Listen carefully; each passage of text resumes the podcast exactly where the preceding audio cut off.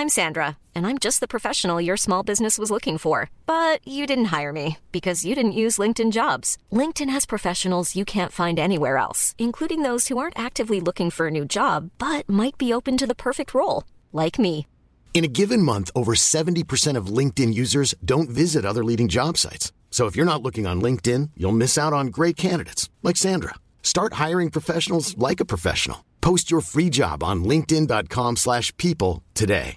Hey, it's Paige DeSorbo from Giggly Squad. High quality fashion without the price tag. Say hello to Quince. I'm snagging high-end essentials like cozy cashmere sweaters, sleek leather jackets, fine jewelry, and so much more. With Quince being 50 to 80% less than similar brands. And they partner with factories that prioritize safe, ethical, and responsible manufacturing. I love that. Luxury quality within reach. Go to quince.com slash style to get free shipping and 365 day returns on your next order. Quince.com slash style.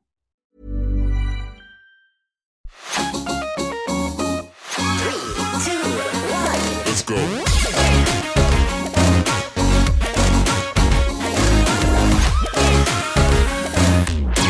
Hej och välkomna till Topplistan! Topplistan är en podcast där vi rankar allt mellan himmel och jord. Vi lägger fram våra case, vi argumenterar för vår sak och vi kommer gemensamt fram till vilka som är de topp tre bästa eller sämsta eller roligaste eller dummaste eller smartaste sakerna på just den här listan just den här veckan. Jag som är självpåtagen programledare heter Joakim Hanäs och med mig har jag mina vänner Anna Spolander och Patrik Glimberg. Välkomna hit idag. Tack att vi fick komma hem till dig så här. Det var ju fint. Du ser otroligt förberedd ut, Anna. Precis, och grejen är att det är också så här åldersmarkör. För ni kommer hit med så här fräcka e- elektronikgrejer som ni har förberett er på. Jag kommer hit med ett anteckningsblock och en penna. Som att redo. du inte har en telefon. He hela Annas liv ryms i en filofax. Exakt. Den här veckan så ska vi utse de bästa attraktionerna på Liseberg. Liseberg är Nordens största nöjespark. Den öppnade 1923.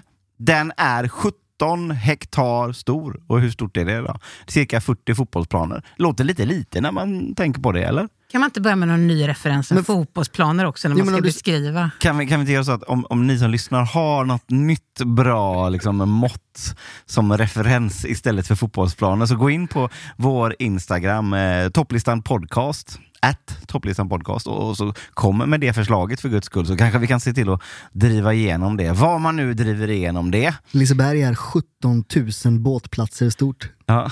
Det är fräscht. Det är maritimt.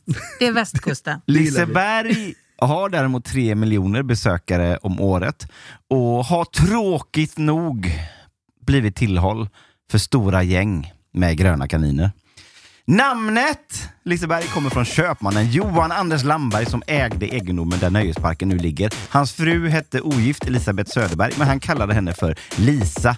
Kring 1753 döpte han landeriet, vad det nu är, till Lisasberg som så småningom blev Liseberg.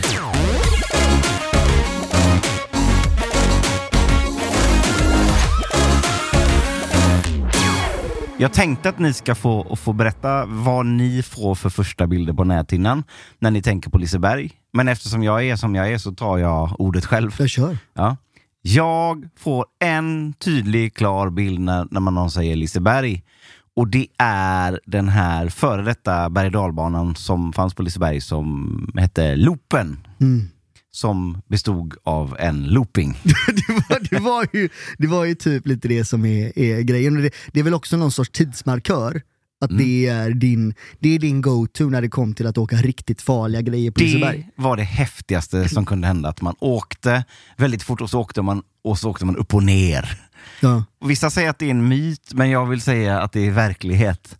Att loopen en gång fastnade upp och ner. Nej, det är ju tyvärr en myt.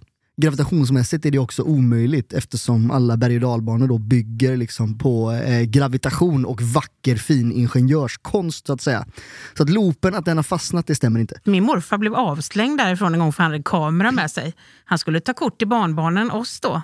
Och så åkte han och tog med kamera. Blev sen då, ja, han hade ju redan åkt såklart, så han blev avslängd i liksom retroaktivt.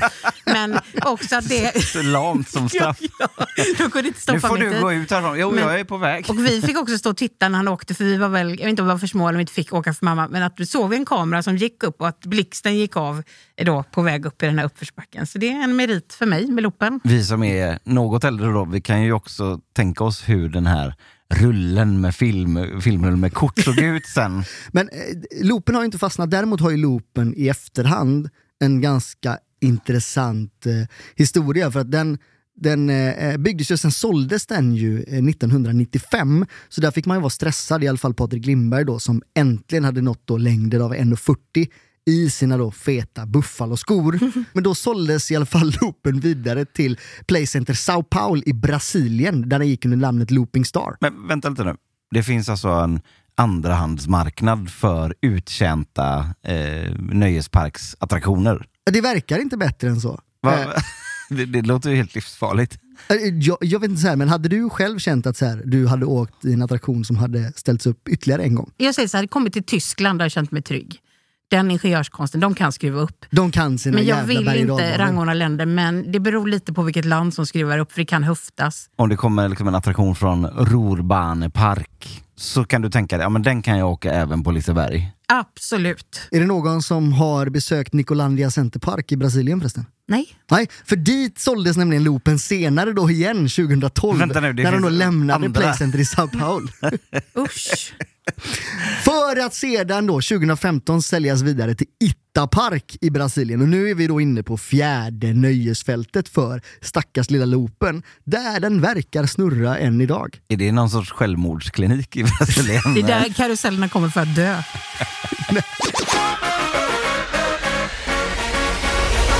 Jag känner mig lite blåst på konfekten här när du sitter här med pekpinnen och säger att loopen inte har fastnat upp och ner. För jag är helt säker på att jag har sett några tidningsbilder när de står med någon sorts brandbilar eller liknande och plockar ner folk i- ifrån, eh, när de sitter upp och ner i, i, eh, på Liseberg. Det jag tror att du tänker på eller refererar till så här, rent bildmässigt är ju Hangover när den öppnades som då var ersättaren till loopen. Och Hangover var ju en, ja, men det var ju en uppjackad steroidversion på eh, eh, själva loopen med, med flera loopar så att säga och en, en väldigt spännande uppförsbacke. Och ifrån den uppförsbacken vet jag ju att man har plockat ner folk då med eh, brandbil när de fastnar. Redan innan attraktionen var i bruk så inträffade då en incident där en 150 kilo tung tyngd vid en testkörning 96 föll av tåget på 20 meters höjd och ner i marken samtidigt som besökare fanns i parken. Oj. Det vill man inte se att det liksom, när man, när man går där i godan ro och, och funderar på vad ska jag åka härnäst. Och så står man och tittar upp på just själva Hangover som säger så här, snart ska den här fina attraktionen öppnas. Så det är det till- stora nya flaggskeppet. Så trillar ner en säck potatis ur, ur eh, berg så att säga. Jag jobbade ju på, eh, vi pratade om innan att jag jobbat på Liseberg, jag jobbade på Aroma. Då var det ett känt svenskt nyhetsankare, jag kommer inte dra namnet, som åt hos oss och som då blev vansinnig för att Hangover dånade så mycket när den körde bredvid. För det kunde man ju inte höra innan man gick in och satte sig där. Det är också sådär att han ville gå in och få någon sorts här italiensk matkulinarisk resa inne på Liseberg. ja. Eh, oavsett, då, Hangover fick inte leva så länge på Liseberg. Nej. 2002 kände de nej, det här, det här funkar inte. Så att 97 till 22, det är inte lång tid Det är kort. för en karusell som man har investerat en jävla massa skattepengar i att bygga. Nej, nej, Sen nej. var det raka vägen till Brasilia eller vad Eh, det? nej, däremot var det nöjesparken Alufan Park i Grekland. Oh. Där den senare såldes vidare till parken Bagatelle i Frankrike och bytte namn till Triops. Där den togs i driften 30 juni 2012. Om jag bara ska låta mina fördomar spela fritt så känner jag liksom att Sverige till Brasilien, Sverige till Grekland. Där kanske man går lite ner i försiktighetsåtgärd om ni förstår vad jag menar med det. Det känns ju som att det ändå är rökande sköningar som skru- skruvar upp den i Grekland. Det händer inte i Tyskland om jag får återkomma till det landet, eller hur? Nej men precis, men att de där då säljer från Grekland till Frankrike. Ja, då går man ju liksom uppåt igen. Men den är ju slarvigt nerpackad från Grekland, det vet vi ju. det är andra bulten. Det är så här, man hoppar ju inte bungee jump i Grekland. Jag, jag känner ju att vi hamnar ju väldigt mycket Eh, på lite äldre attraktioner. Förmodligen för att det var de här som regerade när vi själva var i vår Lisebergs prime så att säga. Det får vi helt enkelt köpa. Men när, när var Lisebergsprimen då? Det måste ju varit någon sorts så här, mellantonår eller? Det var första gången man blev avsläppta in i stan och fick gå ensam och man fick liksom en peng för att, att klara dagen av föräldrarna. Hade man tur fick man köpa stora Lisebergshäftet. För man rev ju kuponger på den Mm. tiden kan vi säga till er som är yngre och nu går med såna åkband runt handen, eller hur? Ja, Jag tror att var- kupongkonceptet finns kvar än idag faktiskt. Anna. Det gör det. Ja, jag jag är så det. rik så jag köper aldrig det. där. det går så jävla bra för mig. Men, men hade, inte ni också, hade inte ni också lite så här, era tonårsrevolter inne på Liseberg? Ja, och också tonårsromans. Min syrra för övrigt gömde alkohol uppe i skogen, alltså i parken som ska vara så sant? fin. Och åkte sen fast och fick sitta i fyllecell. Eh, jo, eh, på Liseberg. Det behöver kanske inte gå djupare in i. Hon mår bra idag, har jobb, man, barn och så vidare. Så det går bra. Hon var en helt vanlig tonåring. Ja, men jag kommer också ihåg alltså, att man då gick ju dit med dejter och sånt. Att man, då kunde man stå lite nära, och det här är sorgligt med mitt också, eh, intima liv. Att jag tyckte det var spännande att stå nära någon i en kö. Det är ju nästan sånt som man kan, som man åka, kan åka dit Usch, jag för tror jag var rätt gammal då. Hon var ändå 27. Ja, men så kan det. Nej, men för ett sånt minne som jag har väldigt mycket från, och det, det, det faktiskt speglar en del på den här romantiken, det är ju attraktionen Sagoslottet. Som Ja. man var alldeles, alldeles för gammal eh, för att åka i. Sagoslottet är alltså ett, ett slott. Ja, ett slott. Är Så, helt otippat. det var ju en sån typisk så här, romantisk attraktion man kunde åka med en tjej eller en kille då kanske, i, i ditt fall då herrarna. Men det som vi också hade när vi gjorde som tonårsrevolt här, var att man kunde även hoppa i ett fräckt grabbgäng där då, där man liksom skulle så här mopsa upp sig. Vem det låter är inte, coolast? alla? låter inte fräckt. Nej men och vad, vad vi gjorde då var ju att vi åkte genom Sagoslottet och man såg ju också direkt, så fort man gick fram liksom och skulle åka Sagoslottet så såg ju personalen att här kom ju fyra stycken olyckor vandrande och sätter sig i den här attraktionen. Hade ni ett farligt yttre?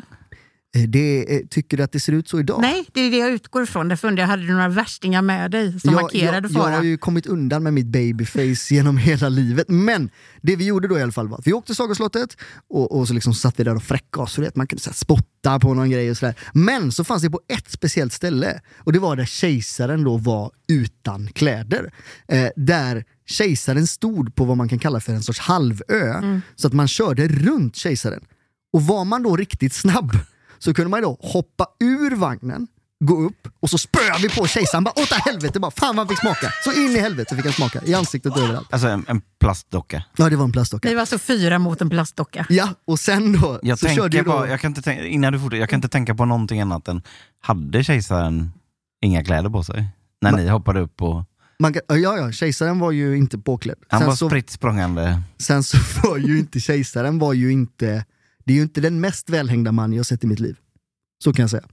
Och därför så skulle han ha stryk. Vad Du, du, sunt! du, försöker att, du försöker att resonera med en 14-årig Patrik Lindberg här, men absolut. Men vi, vi, då gjorde man det här och sen då så gjorde ju då båten då som man som man åkte runt i, den gjorde ju sin lilla U-sväng här och då kunde man hoppa på tillbaka och så åka ju igenom attraktionen så tyckte man att fan det här var roligt. Men det fanns det ett problem. Det är ju att eh, Sagoslottet är ju kameraövervakat. Så att eh, när man väl börjar rulla in med då själva båten så står det ju fyra stycken vakter där och väntar på de fyra små 14-åringarna. Och hur hanterar man det på ett värdigt och bra sätt? Jo, man skrek och sprang som fan. Vad, vad, vad får du för bilder i huvudet när man bara tänker på Lisebergarna? Alltså, dels det här som jag sa innan med att det var mycket kärlek och att man tittar mycket på killar. Man var ju också kär i de som körde attraktionerna. Säger hon och pekar på mig. Ja, men jag är ju äldre än dig så det hade ju varit konstigt när jag stod där och tittade när du så körde. många 13-åriga telefonnummer man fick. Jag menar det, ni måste ha skördat farligt. många. Ja. Nej jag skojar. Men jag... Vi, då ring, vi kastar man i soptunnan, lugn nu. Här. Lugn nu. Vi har ingen ny metoo-situation att göra med här. Med en 13-åring också.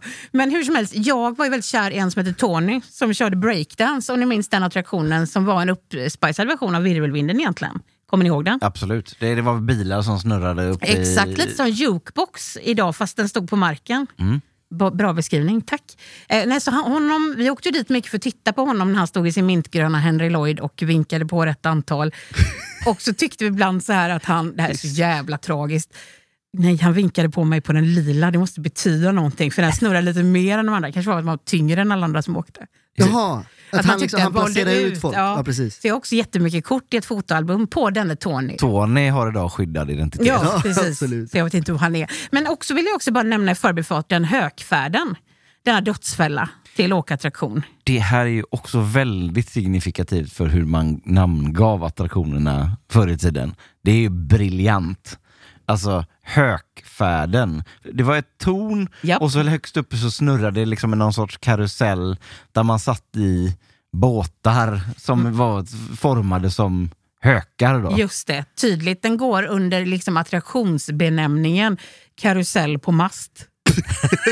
Det Så det finns. Den finns ändå. Den finns. Ja, men att, alltså man åker en färd i en hök. Mm. Men med Göteborgshumorn, om ingen har kopplat det, så blir det också höckfärder, att man är höckfärdig då. Precis, och den står ju då på samma plats som när Aerospin finns idag. Det är små flygplan man ska snurra i, behöver inte fippa sig den. lik den ändå va? Jättelik. Är det samma karusell på mast? Den kan ha kommit tillbaka från dit den såldes vidare. För den, Brasilien, Grekland, Frankrike och så tillbaka. men jag vill ge ett, ett nytt namn dit högfärden färdades för att dö. Och det var en av de japanska öarna, jag tror det var den mest nordliga. Där hamnade den på ett nöjesfält. Detta har du kollat upp också? Jajamän, och jag har varit inne på Högfärden forum.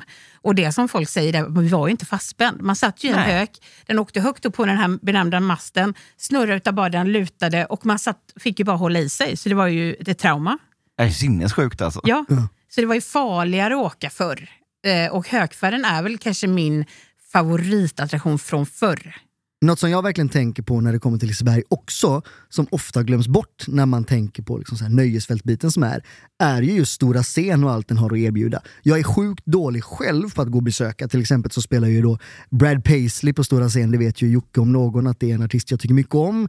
Men jag missar det av ren lathet eftersom jag är värdelös i allmänhet på att gå på konsert. Men bättre var det ju i yngre dagar. Och där har man ju så otroligt mycket roliga minnen från, ja, jag minns ju till exempel Energy-dagen, kommer ni ihåg dem? Ja, det var ju lite fräckt. Och då minns jag ju det här, framförallt, och det måste vara slutet på eh, 90-talet någon gång, när han, DJ eh, Alligator, Blow My Whistle, uppträder som förband då till eh, Håkan Hellström. Och det är också något av det mest så här, surrealistiska jag sett i mitt liv. När han först då står och, och, och pratar om hur, hur kvinnorna då ska tillfredsställa honom då. Han hade kanske inte heller löst metoo jättebra eller? Nej, Inte seglat igenom obemärkt. Nej, för att sen då så hoppar det upp någon liksom så här stolpig snubbe i sjömanskostym som bara säger Kom igen Göteborg, nu gör vi det tillsammans! Jag älskar er allihop! det, det, var någonting. Ja, och jag kan också slänga in en personlig grej. Jag sökte ju jobb på Liseberg eh, och eh, jag vet eh, Patrik att det fräckaste var att jobba på attraktion så jag tänkte dit kommer jag ju aldrig komma. Det Det, var som att komma till... Verklighet. Nej men det var som att komma till himlen. när, när det är liksom det coolaste man kan göra det är att stå och köra så här barnbåtarna liksom. ska, jag, ska jag berätta det hemskaste i det då också? Jag fick jobbet på attraktion via kontakter. Och fy fan! Det var jag och massa läkarstudenter där. Drog i några trådar Jag trodde det var rättvist. och, Nej, det var, och köra det, rainbow. exakt, det, var inte, liksom. det var inte rättvist, det var, det var bara kontaktnätet. Men då sökte jag i alla fall scen. För jag tänkte då kan det vara kul, jag gillar musik, jag träffar artister, man får lära sig att bygga scen. Kommer dit, är den enda tjejen, resten är så här roddare i nacktofs med Pippi Långstrump t-shirt. Så, och då sa jag upp mig och gick till det som alla fick jobba tror jag, fast food. Just det. Eh, och den här eh, restaurangen jag pratade om tidigare. Mm. Så det, där har ni min ingång på scenen, jag tycker inte den är dålig. Men har inte du gjort eh, gig för Liseberg i modern tid också? Ja, eh, måste vi? Vi ska, Ja. vi ska Ja, gå vi den ska gå vägen den vandra. vägen, ja. Absolut. Nej, men jag har gjort mycket röster till Liseberg. Jag har gjort till eh, avundsjuka under eh, halloween på Liseberg. Men mitt största gig, och nu jävlar, ni kommer titta med nya ögon på mig nu, så har jag ju också gjort rösten till en fontän. Eh, Har de en röster? De har tydligen röster. Ja, och Och Anna- Anna- vänta Anna lite, så let me rephrase. Det är alltså ett grönt ansikte på en vägg som spyr vatten när man kan fylla på sina flaskor. Hej! Jag ska hjälpa dig att fylla din flaska. Här kommer friskt karusellvatten från Liseberg. Tog ju dit, eh, min son är 18 så han bryr sig inte, det är också pinigt att jag skulle förekomma i den miljön. Tog dit hans småkusiner lite för att imponera. Så här, Titta vad, vad moster jobbar med, ja det går bra nu. Så sa jag, nu ska ni få lyssna. Alla går in och spännande, det är en attraktion vi ska åka. Nej, då är den ju sönder. Så att det är ju helt tyst. Det är ett grönt ansikte på vägg. Och jag bara, det här ska nog gå. Det är nog någon sån här rörelsedetektor. Står och viftar. Så bankar på fontänen. Ja, nej, så det var ingenting med det. Så din röst var cancellerad? Den var säga. cancellerad och eh, det funkade inte att fylla på sin vattenflaska där. Men eh, är man på Liseberg så gå gärna upp och eh, kanske då filma av om den är i bruk. Jag vet inte. Jag känner spontant så att vad, vad vi behöver göra det är att nummer ett, se till att den återinstalleras.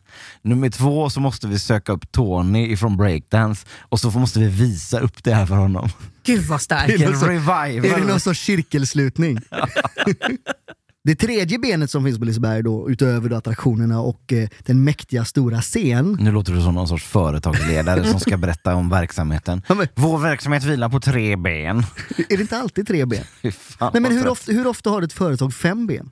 Är det inte alltid tre ben? I Det- allmänhet? Det är väl så här, det, det mesta den här företagsledaren kan hålla i huvudet samtidigt, det är tre ben. Var, ber- varav det- ett alltid är riktigt, riktigt jävla svagt. Så berätta om det tredje svaga benet. Det tredje svaga benet är ju då eh, spelmöjligheterna som finns där. Dels då så arkadspelen, men framförallt också lyckohjulen. Då. Jag minns ju när jag jobbade på Liseberg, då kunde man ju flörta lite extra med tjejerna i lyckohjul. För några av de här hjulen gick ju att rigga. Bland annat då det gamla plopphjulet. Det var jävligt synd att det var just plopphjulet Det och är, ett inte något skit, gott det är ett godis. skithjul. Nej, man ville ju Ja. att chipshjulet skulle vara det, Ja. eller framförallt CD-skivehjulet eller sådär. Men de gick ju inte att rigga, de var ju slump. Minns ni vilken besvikelse det var första gången när man liksom insåg att det inte låg jättestora chips i chipspåsarna? Du har ju fortfarande vunnit jättemycket chips. Jo, jo men enorm jag glädje. vill... Men drömmen, drömmen om den gigantiska chipspåsen, den, den slås ju tur, det måste du förstå. Vad du tänker att du, du vill liksom plocka upp ett chips i storleken A4? Japp, minst. A4. Lampskärm. Är det någon av er som har testat fenomenet femkamp som finns på Liseberg? Nej, men jag har tittat på många andra företag som är där. Förakt. Ja, men jag fattar inte, det är alltid liksom, det är något busigt jag inte köper i det. Att det ska vara en buse i gruppen. Det, Det ska är vara... väldigt mycket faktorn av slipsen i pannan på chefen. Nu ska vi minsann ha skojigt här. Jag tycker konceptuellt att femkamp är svinball. Vi har ju ett kompisgäng, jag och Jocke, som umgås en gång per år. Och en gång per år ungefär föreslår jag att vi då ska åka till Liseberg, köra femkamp och sen sätta oss på Tyrolen och totalt dynga ner oss. Det finns ju också liksom en, en gräns. Du måste köpa så här många öl för att få köpa en tyrolerhatt. Oj. Så står du ju där på sex druckna bärs, du börjar titta på klockan, det är dags att börja varva ner liksom och tänka på refrängen. Men så kommer någon och berättar att om du bara köper en öl till får du minsann köpa den här jävla hatten också. Man ramlar hem där klockan fem på morgonen, Sandra är helt jävla vansinnig, men man kan stolt visa upp sin lilla hatt som man minsann har tjänat ihop till. Vi ska ju faktiskt utse de bästa attraktionerna, har ni glömt det? Nej. Nej. Men du, du tittar på mig som att jag ska börja. Jag tycker att du kan få äran att börja och berätta för oss som tidigare medarbetare på Liseberg, vilken är egentligen den allra bästa attraktionen på Det finns ju så många att välja bland, men självklart så landar jag in i, för det första då, en av dem som var den som jag började köra allra först. Men också då för att jag liksom fick upp ögonen för den tyska ingenjörskonsten, för gravitationens jävla makt och framförallt för att det är en riktig trotjänare som vi har att göra med här. Självklart är den bästa eh, attraktionen på Liseberg Lisebergsbanan. 1340 meter lång, 800 millimeter bred Oj, oj, oj, och oj. en maxhastighet på eh, 80 kilometer i timmen. Alltså det är alltså den, den stora huvud eh, berg och dalbanan på Liseberg. Ja men exakt så, och jag tycker någonstans att det är svårt att välja någonting annat när man kollar på liksom konsten det krävs för att bygga en berg dalbana. Det är så mycket finess i liksom en berg dalbana som ska drivas av sig själv. Det enda den får hjälp med det är det lilla uppdraget uppför backen och sen släpps den helt av egen gravitation. Den uppnår max hastighet baserat på liksom den exakta vikt som hamnar i varje vagn. Det finns fem tåg som är kalibrerade för att uppnå perfekt resultat varje gång. Så du blir så teknisk här nu. Nej, men jag tycker tycker att, eh, om man ska säga så här, det finns ju ganska platta, tråkiga attraktioner, men jag vågar ju inte nämna någonting här med risk för att det är någonting som ni väljer, att ni inte då ska få rättvisa förhållanden att nominera er attraktion. Jag får bara fråga, du nämnde förut att du körde eh, Lisebergsbanan, men eh, körningen då, praktiken är att den åker upp för backen. Det är Nej, det man- du man sit- bidrar med. Man sitter längst fram då i, i varje lok och styr vänster höger. Ja. Nej, det handlar ju då om att i perfekt rätt tillfälle släppa iväg varje tåg, se till att låsa upp varje tåg i rätt tidpunkt, se till att låsa varje tåg i rätt tidpunkt. Ja, det är egentligen de tre grejerna Och till detta har de eh, 14-åriga sommarjobbare som Patrik Lindberg. Du, nu ska jag berätta en sjuk grej kring Lisebergsbanan i allmänhet. Ja. Nu vet ni om att ni kan eh, knäppa upp er under åktur, Lisebergsbanan? Va? Det, det är inte meningen väl? Nej, det är inte meningen, men det är praktiskt taget möjligt. Vet man precis hur man ska göra och det räcker med lite, lite handkraft så kan du få den där bygeln att öppna sig under åktur, om du vill. Har du gjort det? Jag har inte gjort det under själva åkturen, men jag har gjort det under uppförsbacken. Men framförallt så har jag, nu ska jag berätta en grej som är eh, vi hade avslutningsfest med de andra attraktionsförarna på Liseberg. Så åkte vi till Tallinn och gjorde hela Tallinn en hel helg. För att sen avsluta det då på Gröna Lund. Och då finns det ett samarbete mellan alla nöjesparker runt om i eh, Europa. Secret Society. Mm. Där, om du är som Lisebergsarbetare då, får du gå på Gröna Lund gratis och så vidare. och så vidare. Ser man ju att Anna, det utnyttjar hon till fullo. Nej, jag kan säga att det här var nyheter för mig. Det kanske inte rörde oss som jobbade på fast food, Nej, utan är- bara ni sexiga Just det. attraktionerna. Det här gällde- kunnat åka till den här eh, Luna Park i, i Brasilien eller vad fan den hette? Ja, även Disneyland, alla de här gällde detta på. Mycket, mycket bra. Inte för att vi använder det, men skitsamma. Nej, allmogen Anna, de fick inte ta del av detta Nej, erbjudandet. synd. Du fick gå och äta på olika pastarestauranger. Med rest, rätten aroma. Men det vi gjorde i alla fall var att vi då satte oss i Jetline och Jetline och Lisebergsbanan har exakt samma lok. Alltså det är samma typ av tåg. Och det ser vi när vi sätter oss i den här eh, bergbanan. Men shit, det är precis samma tåg som vi har på vad vi då kallade för banan.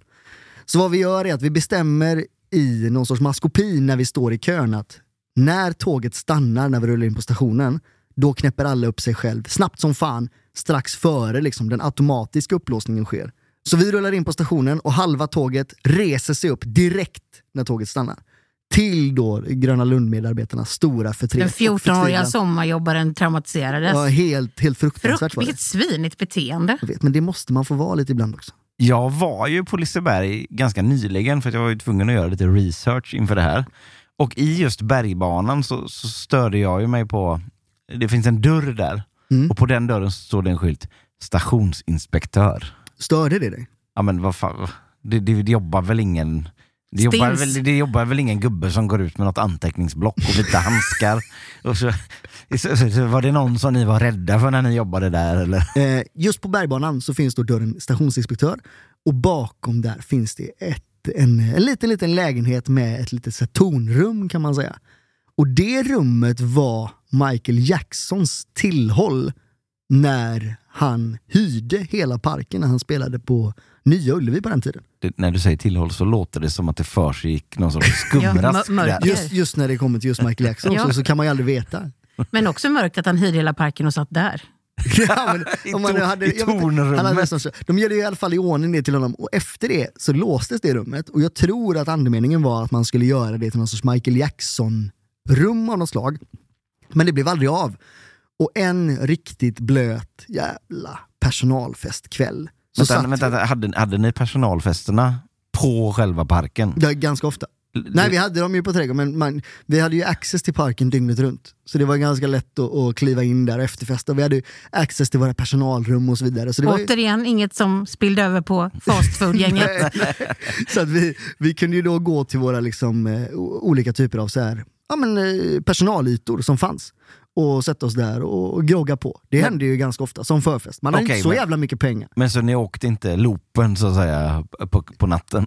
Det, det, vi kunde ju inte köra några karuseller på natten. Däremot så försiggick det ju andra olämpliga saker i karusellerna på natten. Jaha. Och, och, oavsett då, bakom dörren på stationsinspektör, Michael Jacksons lilla tonlägenhet. Vi har en dunderfyllekväll och någon av oss, kan ha varit jag, säger inte att det var jag, men kan ha varit jag, kommer på nu bryter vi oss in i det där jävla rummet.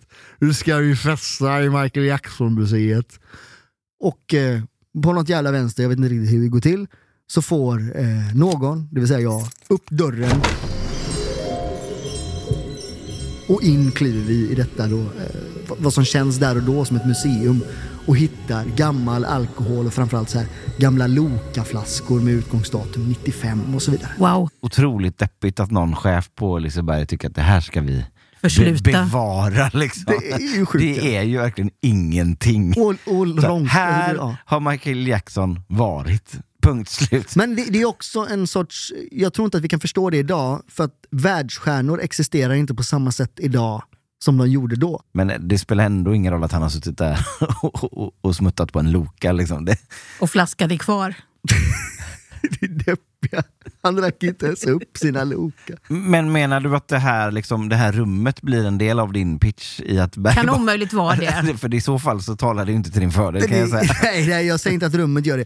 Men däremot så just så här, den fantastiska ingenjörskonsten som krävs bakom att bygga en, eh, en berg och dalbana, att den är uppsmälld 1987, rullar än idag och fortfarande är det absolut främsta som finns på Liseberg. Men, men varför är den det främsta då? Om du bara bortser från hur svårt det var att bygga den. Du måste ju ändå ha någonting som, som säger att är, är den kul att åka? Vet du vad? D- dels är den helt underbar att åka, men framförallt så är det ju också, det är ju den första riktiga berg och dalbanan som barnen får åka. Den har en längdgräns på 1,10. Det är den första riktiga upplevelsen av fart som många av kidsen får.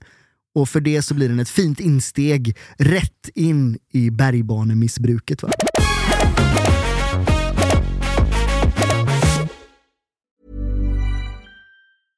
Hey, I'm Ryan Reynolds. At Mint Mobile, we like to do the opposite of what Big Wireless does. They charge you a lot, we charge you a little. So naturally, when they announced they'd be raising their prices due to inflation, we decided to deflate our prices due to not hating you.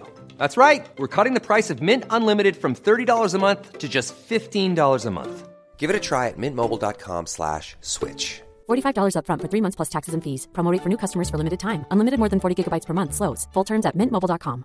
I'm Sandra, and I'm just the professional your small business was looking for. But you didn't hire me because you didn't use LinkedIn jobs. LinkedIn has professionals you can't find anywhere else, including those who aren't actively looking for a new job but might be open to the perfect role, like me.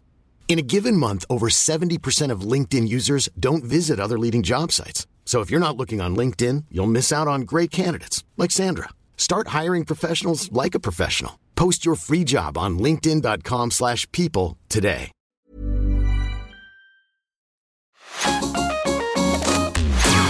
Anna, då har turen kommit till dig och då hoppas jag att vi får slippa höra mer snack om ingenjörskonst och grejer nu, för det har vi fått nog av i det här avsnittet tror jag. Jag, tänker, in- jag vill inte sälja ut den, men jag tänker inte spontant ingenjörskonst när jag ser den framför mig.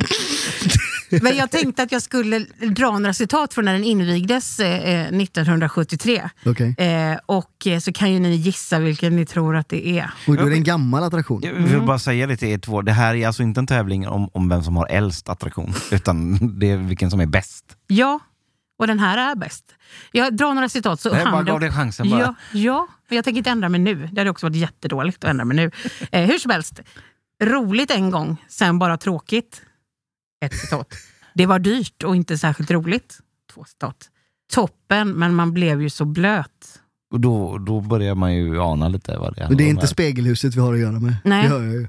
Vad, säg, säg vad ni tror. Ja, men det är 1973 så, så, så kan det ju bara vara Flumride. För det är inte heller den här fontänen som du gör rösten till. Jag ska hjälpa dig att fylla din flaska. Vi ska också släppa det här med att jag gör den rösten, för att nu har ni mobbat klart. Eller ska vi det? Nej. Kan vi höra den en gång till? Jag ska hjälpa dig att fylla din flaska. Ge mig nu säljpitchen på Flumride. Sa han och, Och pek. den får ta mig fan vara bra. Det är den. Eh, jag kommer göra lite som du den här gången. Invigning då 1973, men jag kommer inte skrika som du gör för att du tror att det ger mer tyngd, utan jag kommer prata med min vanliga röst. Den här flumriden vilar på tre ben. Ja, precis. Eh, 610 meter lång, 28 stockar kan vara igång samtidigt. Åh, herregud. Eh, och det tar två dagar att fylla hela Flumride med vatten. Bara en sån sak. Bra, eller hur? Den är så pass usel att den inte ens går att fylla fort. Inte nog med att det är en fantastisk attraktion. Den är också lite härlig för jag kommer återigen gå tillbaka till mina mycket tragiska tonår. Här sitter man på rad. Man kan alltså hålla om. sin dejt. Är det närkontakt Ja, du söker hela jag sökte, sökte närhet, fick flumride. Och så blir man lite blöt i byxan Ja, lite spännande, lite sexigt. Kanske t-shirten blir genomskinlig, vad vet jag. Förutom när min mormor och morfar återigen åkte och hade ponchos med sig. Man- Hela spänningsmomentet försvinner ju. Det finns ju ingenting kvar då. Om man ska skydda sig från vattnet. Då är det som, att- som, som att sitta i en stol bara. Är det som att cykla med hjälm?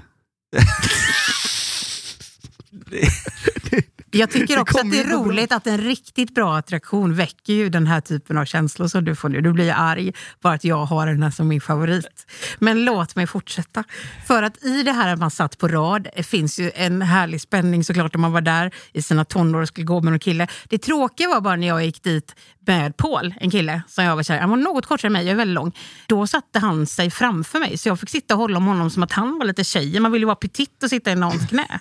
Det vill jag säga att det kan man ha med sig den här sista säsongen som Flumride faktiskt gör nu. Kan vi Oj, nämna. oj, oj. Ja, så det kan jag ge som ett tips. Sen så tycker jag också det är härligt att man inte är fastspänd. Man kan ju ställa sig upp mitt i om man vill och man kan åka baklänges. Det finns frihet. Jocke, Flumriden. Du gillar frihet, eller hur? Fan, fan vad den inte hade varit uppbyggd på samma sätt om den inte var byggd på 73. Nej, det hade det Då inte hade, varit. då hade du suttit fastspänd. Man hade suttit surrad. Man kunde också starta fighter med andra stockar. Alltså att man kör upp jämsides innan man ska upp för den första backen. Då kunde man göra fuck you mot en annan stock. Så var det lite schismer sen när de åkte bakom eller Man framför. kunde dra lite så man åkte Ja, snabbare va? Exakt. Ja. Man har också en jättefin utsikt för oss som är lite äldre nu. Man hinner titta ut över parken. Den har två duktiga fall. Du har ju dömt ut det någon annan gång vet du, sagt att det är en pissig första backe. Eller hur? Grejen är ju att det är två backar varav en är kass. Ja. Eller så tycker man att den är härlig. Jag tycker den är jättehärlig.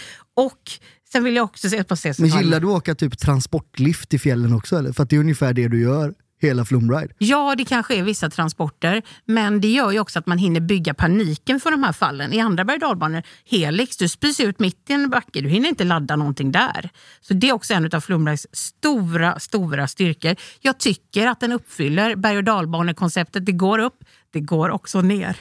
Det- det- Den är ju, eh, det är ju lätt ingenjörskonst, så kan vi ju konstatera. Slutligen då elementet som jag tycker är trevligt, och det är ju vattnet. Ja, men det var ju liksom he- hela grejen här för att jag överhuvudtaget skulle gå med på att åka flumriden så var det okej, då gör vi det sist. Jag tänker inte gå omkring blöt på Liseberg en halv dag. Där får vi ju dra någon sorts Det var gräns. gammalt. Det är så gammalt att säga att man ska åka den sist på dagen. Du är åldrad, Jocke. Du har inte många år kvar nu. Jag hade ju ingen sån Tony som jag kunde åka. Paul, om jag får be. Ja, men var, jag tänker att du ville visa upp det för Tony. Vi- Ja, vi, sen vi ja. Eh, jag vill säga att det här är Lisebergs gamla dam. Vill du slå ner på henne? Nej, det vill du inte. Hon är här på sin sista säsong. Ålers Röst ska inte åka vidare någon annanstans till något annat land vad jag vet. Jag tycker hon är trogen. Hon har hållit sedan 1973. Och därför ber jag er att rösta på Lisebergs bästa attraktion, Flumra. Flumride är ju liksom bieffekten av LAS. Flumride är den där jävla anställda som du inte kan bli av med, trots att nedskärningarna skall göras. Det är tuffa tider just nu, men då står man där med den jävla karusellen med rätten på sin sida, som inte kommer driva liksom den här nöjesparken framåt eller vidare. Så här agerar män som känner sig hotade av en attraktion. Så fortsätt. Absolut. Det klassiska fenomenet. Män som känner sig hotade av en nöjesparksattraktion. Det är nästa metoo.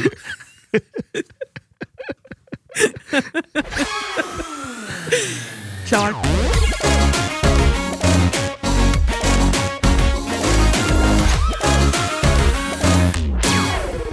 Det är intressant hur ni har valt att attackera den här eh, kategorin. Patrik har ju gått på det rent tekniska då, hur många timmar det tog, och, tog att böja stålet och vilken aerodynamisk fart man uppnår i kurvorna och så vidare. Ja, men jag tycker man ska ha det med sig när man åker Lisebergsbanan. Att det, det är ingenjörskonst i sin renaste form. Det finns något vackert i det, samtidigt som man upplever den här farten och fläkten. Väldigt, verkligen kul med ingenjörskonsten där. Anna har gått med på eh, retro-temat, så att säga, av gammal, lång och trogen tjänst. Också aldrig blivit mer förenklad Lite- som människa lite- än vad du gör nu. Hon ser upprörd ut på riktigt Jocke. Jag väljer då att gå mer på min egen upplevelse. När har jag haft som roligast på Liseberg? Alla är med på konceptet radiobilarna, väl? Ja, det, Det- är, det är en metallplatta och så är det en massa bilar som kör runt och krockar med varandra. Och det kan ju låta som lite basalt och inte så jäd- jädra spännande. Liksom. Och, och, och ska man vara helt ärlig, ingen vidare fart i de där bilarna egentligen. va? Så man känner ju, vad fan är han på väg här nu? Är man fastspänd? Jag har typ aldrig åkt dem nämligen. Jo, du sitter fastspänd med, med ett litet eh, bälte som sitter stenhårt och som gör märken på din kropp efteråt. Det, du har också en lite märklig fascination för, för om man är fastspänd eller inte. Anna. Det- Jag tycker det liksom är en, en av grundbultarna för en bra attraktion. Man ska vara slarvigt fastspänd. Men då var det så här att man köpte i alla fall de här åkbanden, åkpassen. Och så är man ett gäng på, på liksom fyra, fem eh, kompisar som alla har åkpass och så väljer man ut en gubbe i kön som inte har åkpass. Han betalar med biljett. Och så direkt när det startas, hur säger de egentligen? Tryck ner gaspedalen och snurra på ratten. Då tar man honom så kör man honom rakt in i ett hörn och så står man där. och så kommer han ingenstans. Så står man där bara. Och då vaskar man ju hans eh, biljetter till radiobilarna. Och han blir argare, argare och argare. Men han kan inte bli arg för vi sitter ju där och vi, vi oj oj vad konstigt, vi kommer, den back, kan inte backa. Lite sådär att man låtsas som att man inte vet vad man gör. Och sen så springer man därifrån och skrattar åt honom. Så din attraktion är rolig för att man låser in gubbar i hörn så de inte får betalt för åkturer. Det är det pitchen. Det, är också sådär, det säger också en del om jo, Joakims personlighet när han... Det han gör det kanske. Ja, man måste säga, det, det legitima mobbandet. Ja, nej, det, Du kunde få vara fri i det där, att då låsa gubbar. Var det alltid gubbar som du tog? ja, det kan, kan ha varit någon tant ibland också kanske. Jag vet Är det inte. här hela pitchen för din attraktion? För att du fick mobba folk? Ja, men det var, då kände man sig fri och man kände sig rebellisk. Och man kände att man ägde världen. Och det är min bästa upplevelse på Liseberg. Jag, jag har ju eh, eh, kört radiobilarna då, och då undrar ni, hur gör man då? Jo, man trycker på starta strömmen, stäng av strömmen. Man trycker på gasen och vrider på ratten. Nej men, nej, men jag, jag, jag var då attraktionsförare även för radiobilarna och då fanns det, jag upptäckte, fan vad jag inser att jag gjort mycket dumt under min tid som anställd på Liseberg. Men då hade vi en switch på den här manöverpanelen då där man eh, styrde, där man kunde ställa strömstyrkan och den var bara satt på en, jag minns inte vad styrkan var, men den var satt på ett värde. Ganska lam, ganska långsamt. Ja men det är ju den hastigheten som bilarna går i. Man ska inte skada sig. Nej, och, och, och radiobilarna funkar ju så här att ju mer ström de får, desto snabbare går de. Så pass enkelt var det. Och då fanns det ett läge där man kunde då så här vrida upp att den skulle gå fortare, men det var ett lås på den. Så man kunde inte göra det. Och så satt jag en riktigt regnig eh, typ tisdag i början på september och så kom det, det var ingen som kom och åkte, så det var helt stendött där i. Så jag satt bara och väntade i min lilla bur på att någon skulle komma och åka. Och då satt jag och pillade med en, en annan nyckel i det här nyckelhålet. Och från ingenstans när jag har tryckt ner nyckeln då halvvägs så märker jag att jag kan vrida på switchen till strömstyrkan. Och upptäcker ett litet hack då. Varpå jag sen missbrukar detta grovt resterande del av säsong. Så varje gång på kvällen när man satt och körde radiobilarna så kom det in typ ett Joakim Hanes gäng med 8-14-åringar som har märkt att de här är polare. Då kunde man, precis när de hade dragit igång sin åktur, vrida på strömstyrkan lite extra, bara några, några sekunder. Så att de låg och åkte där så såg man att nu är det två som håller på frontalkrockar. Nu ska vi rättas lite med dem.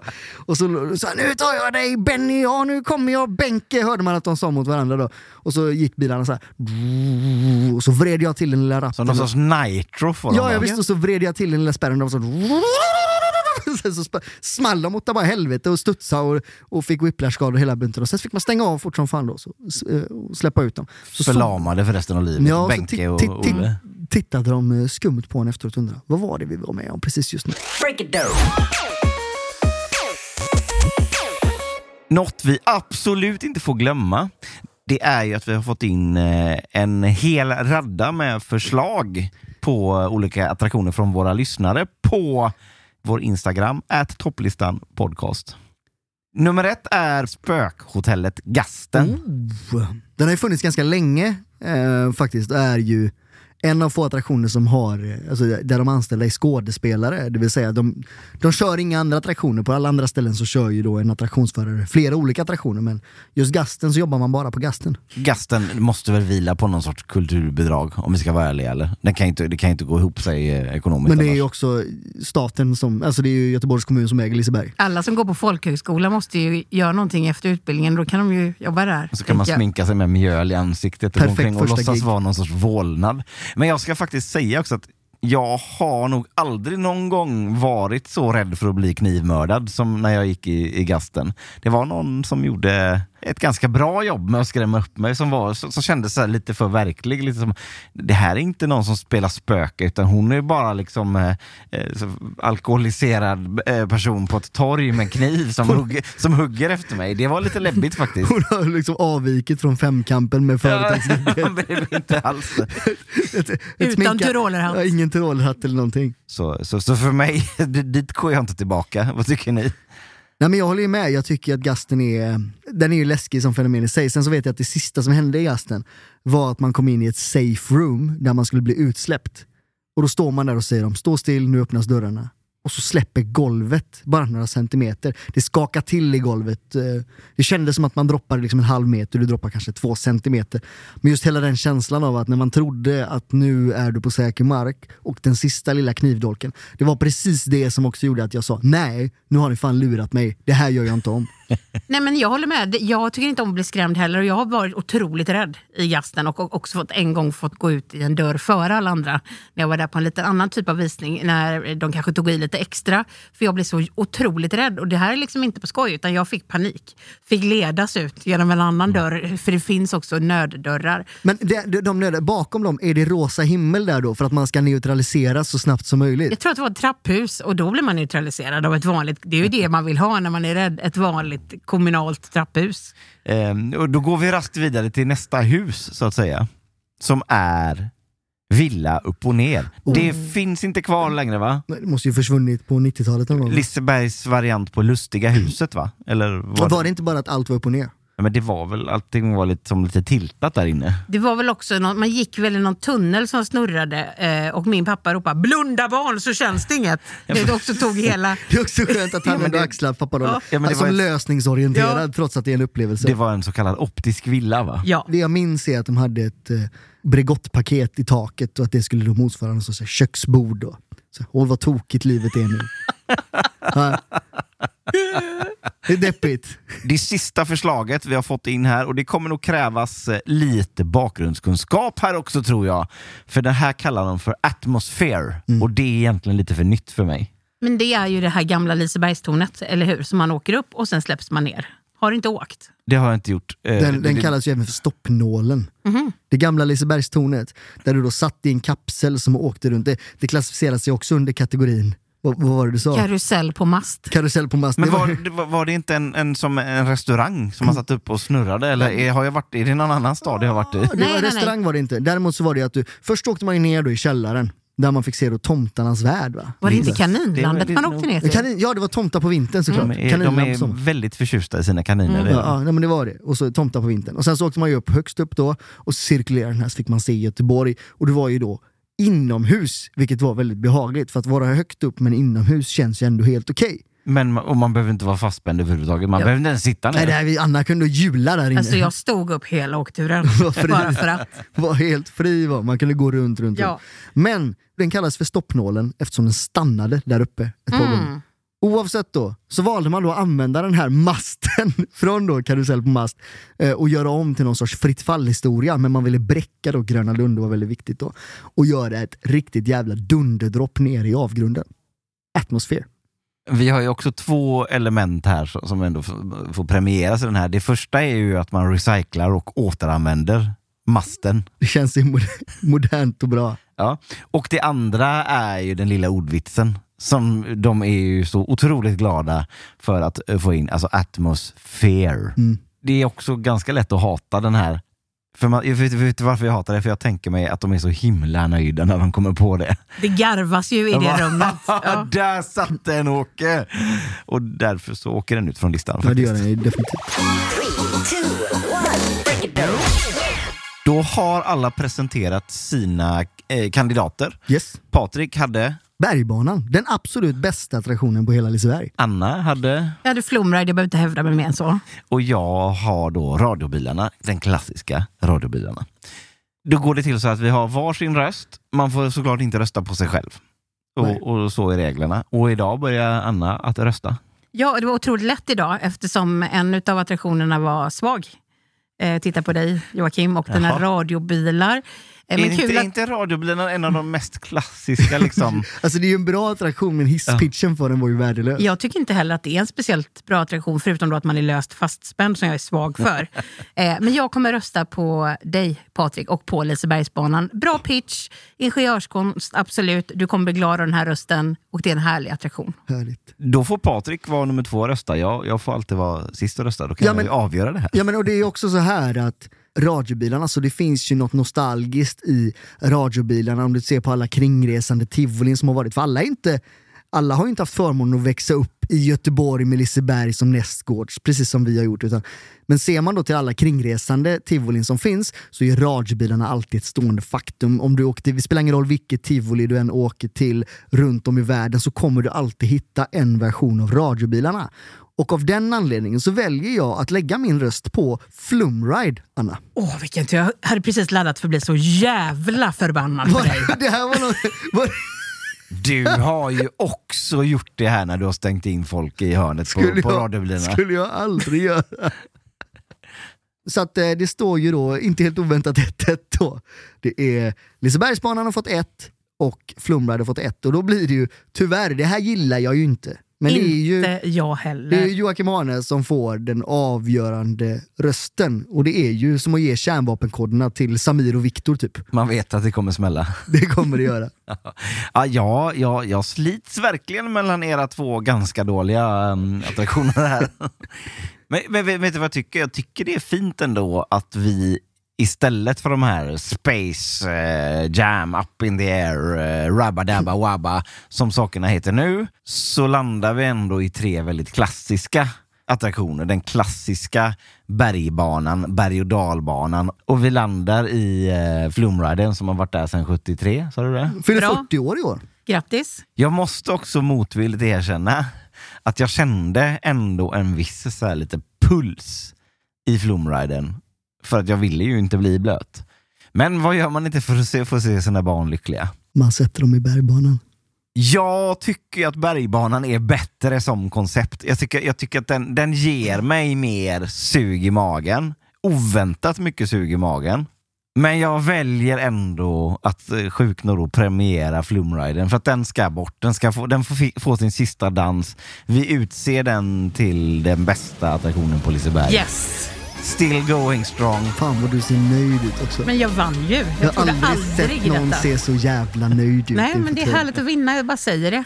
Och Så den, den bästa attraktionen på Liseberg är alltså Flumriden. För att hans dotter blir glad när hon åkte den. Så Nej. fint. Jag skulle satt, satt med den jävla radiobilarna istället. Det var allt för det här avsnittet. Vi hörs snart igen. y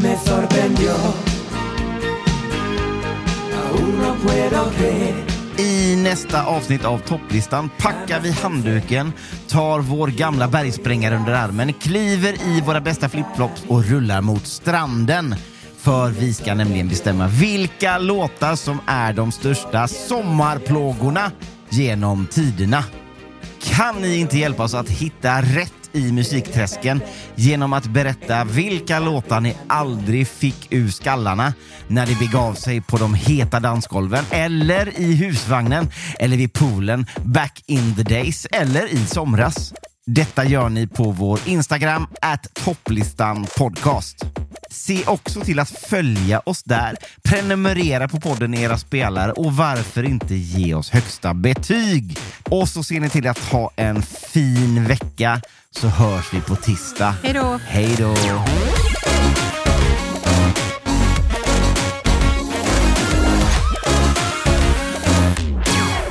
Thank you for listening to this Polpo original. You've been amazing. Hey, it's Paige DeSorbo from Giggly Squad. High quality fashion without the price tag. Say hello to Quince. I'm snagging high-end essentials like cozy cashmere sweaters, sleek leather jackets, fine jewelry, and so much more. With Quince being 50 to 80% less than similar brands. And they partner with factories that prioritize safe, ethical, and responsible manufacturing. I love that. Luxury quality within reach. Go to quince.com slash style to get free shipping and 365 day returns on your next order. Quince.com slash style. Planning for your next trip? Elevate your travel style with Quince. Quince has all the jet setting essentials you'll want for your next getaway, like European linen, premium luggage options, buttery soft Italian leather bags, and so much more. And is all priced at 50 to 80% less than similar brands. Plus, Quince only works with factories that use safe and ethical manufacturing practices. Pack your bags with high-quality essentials you'll be wearing for vacations to come with Quince. Go to quince.com slash pack for free shipping and 365-day returns.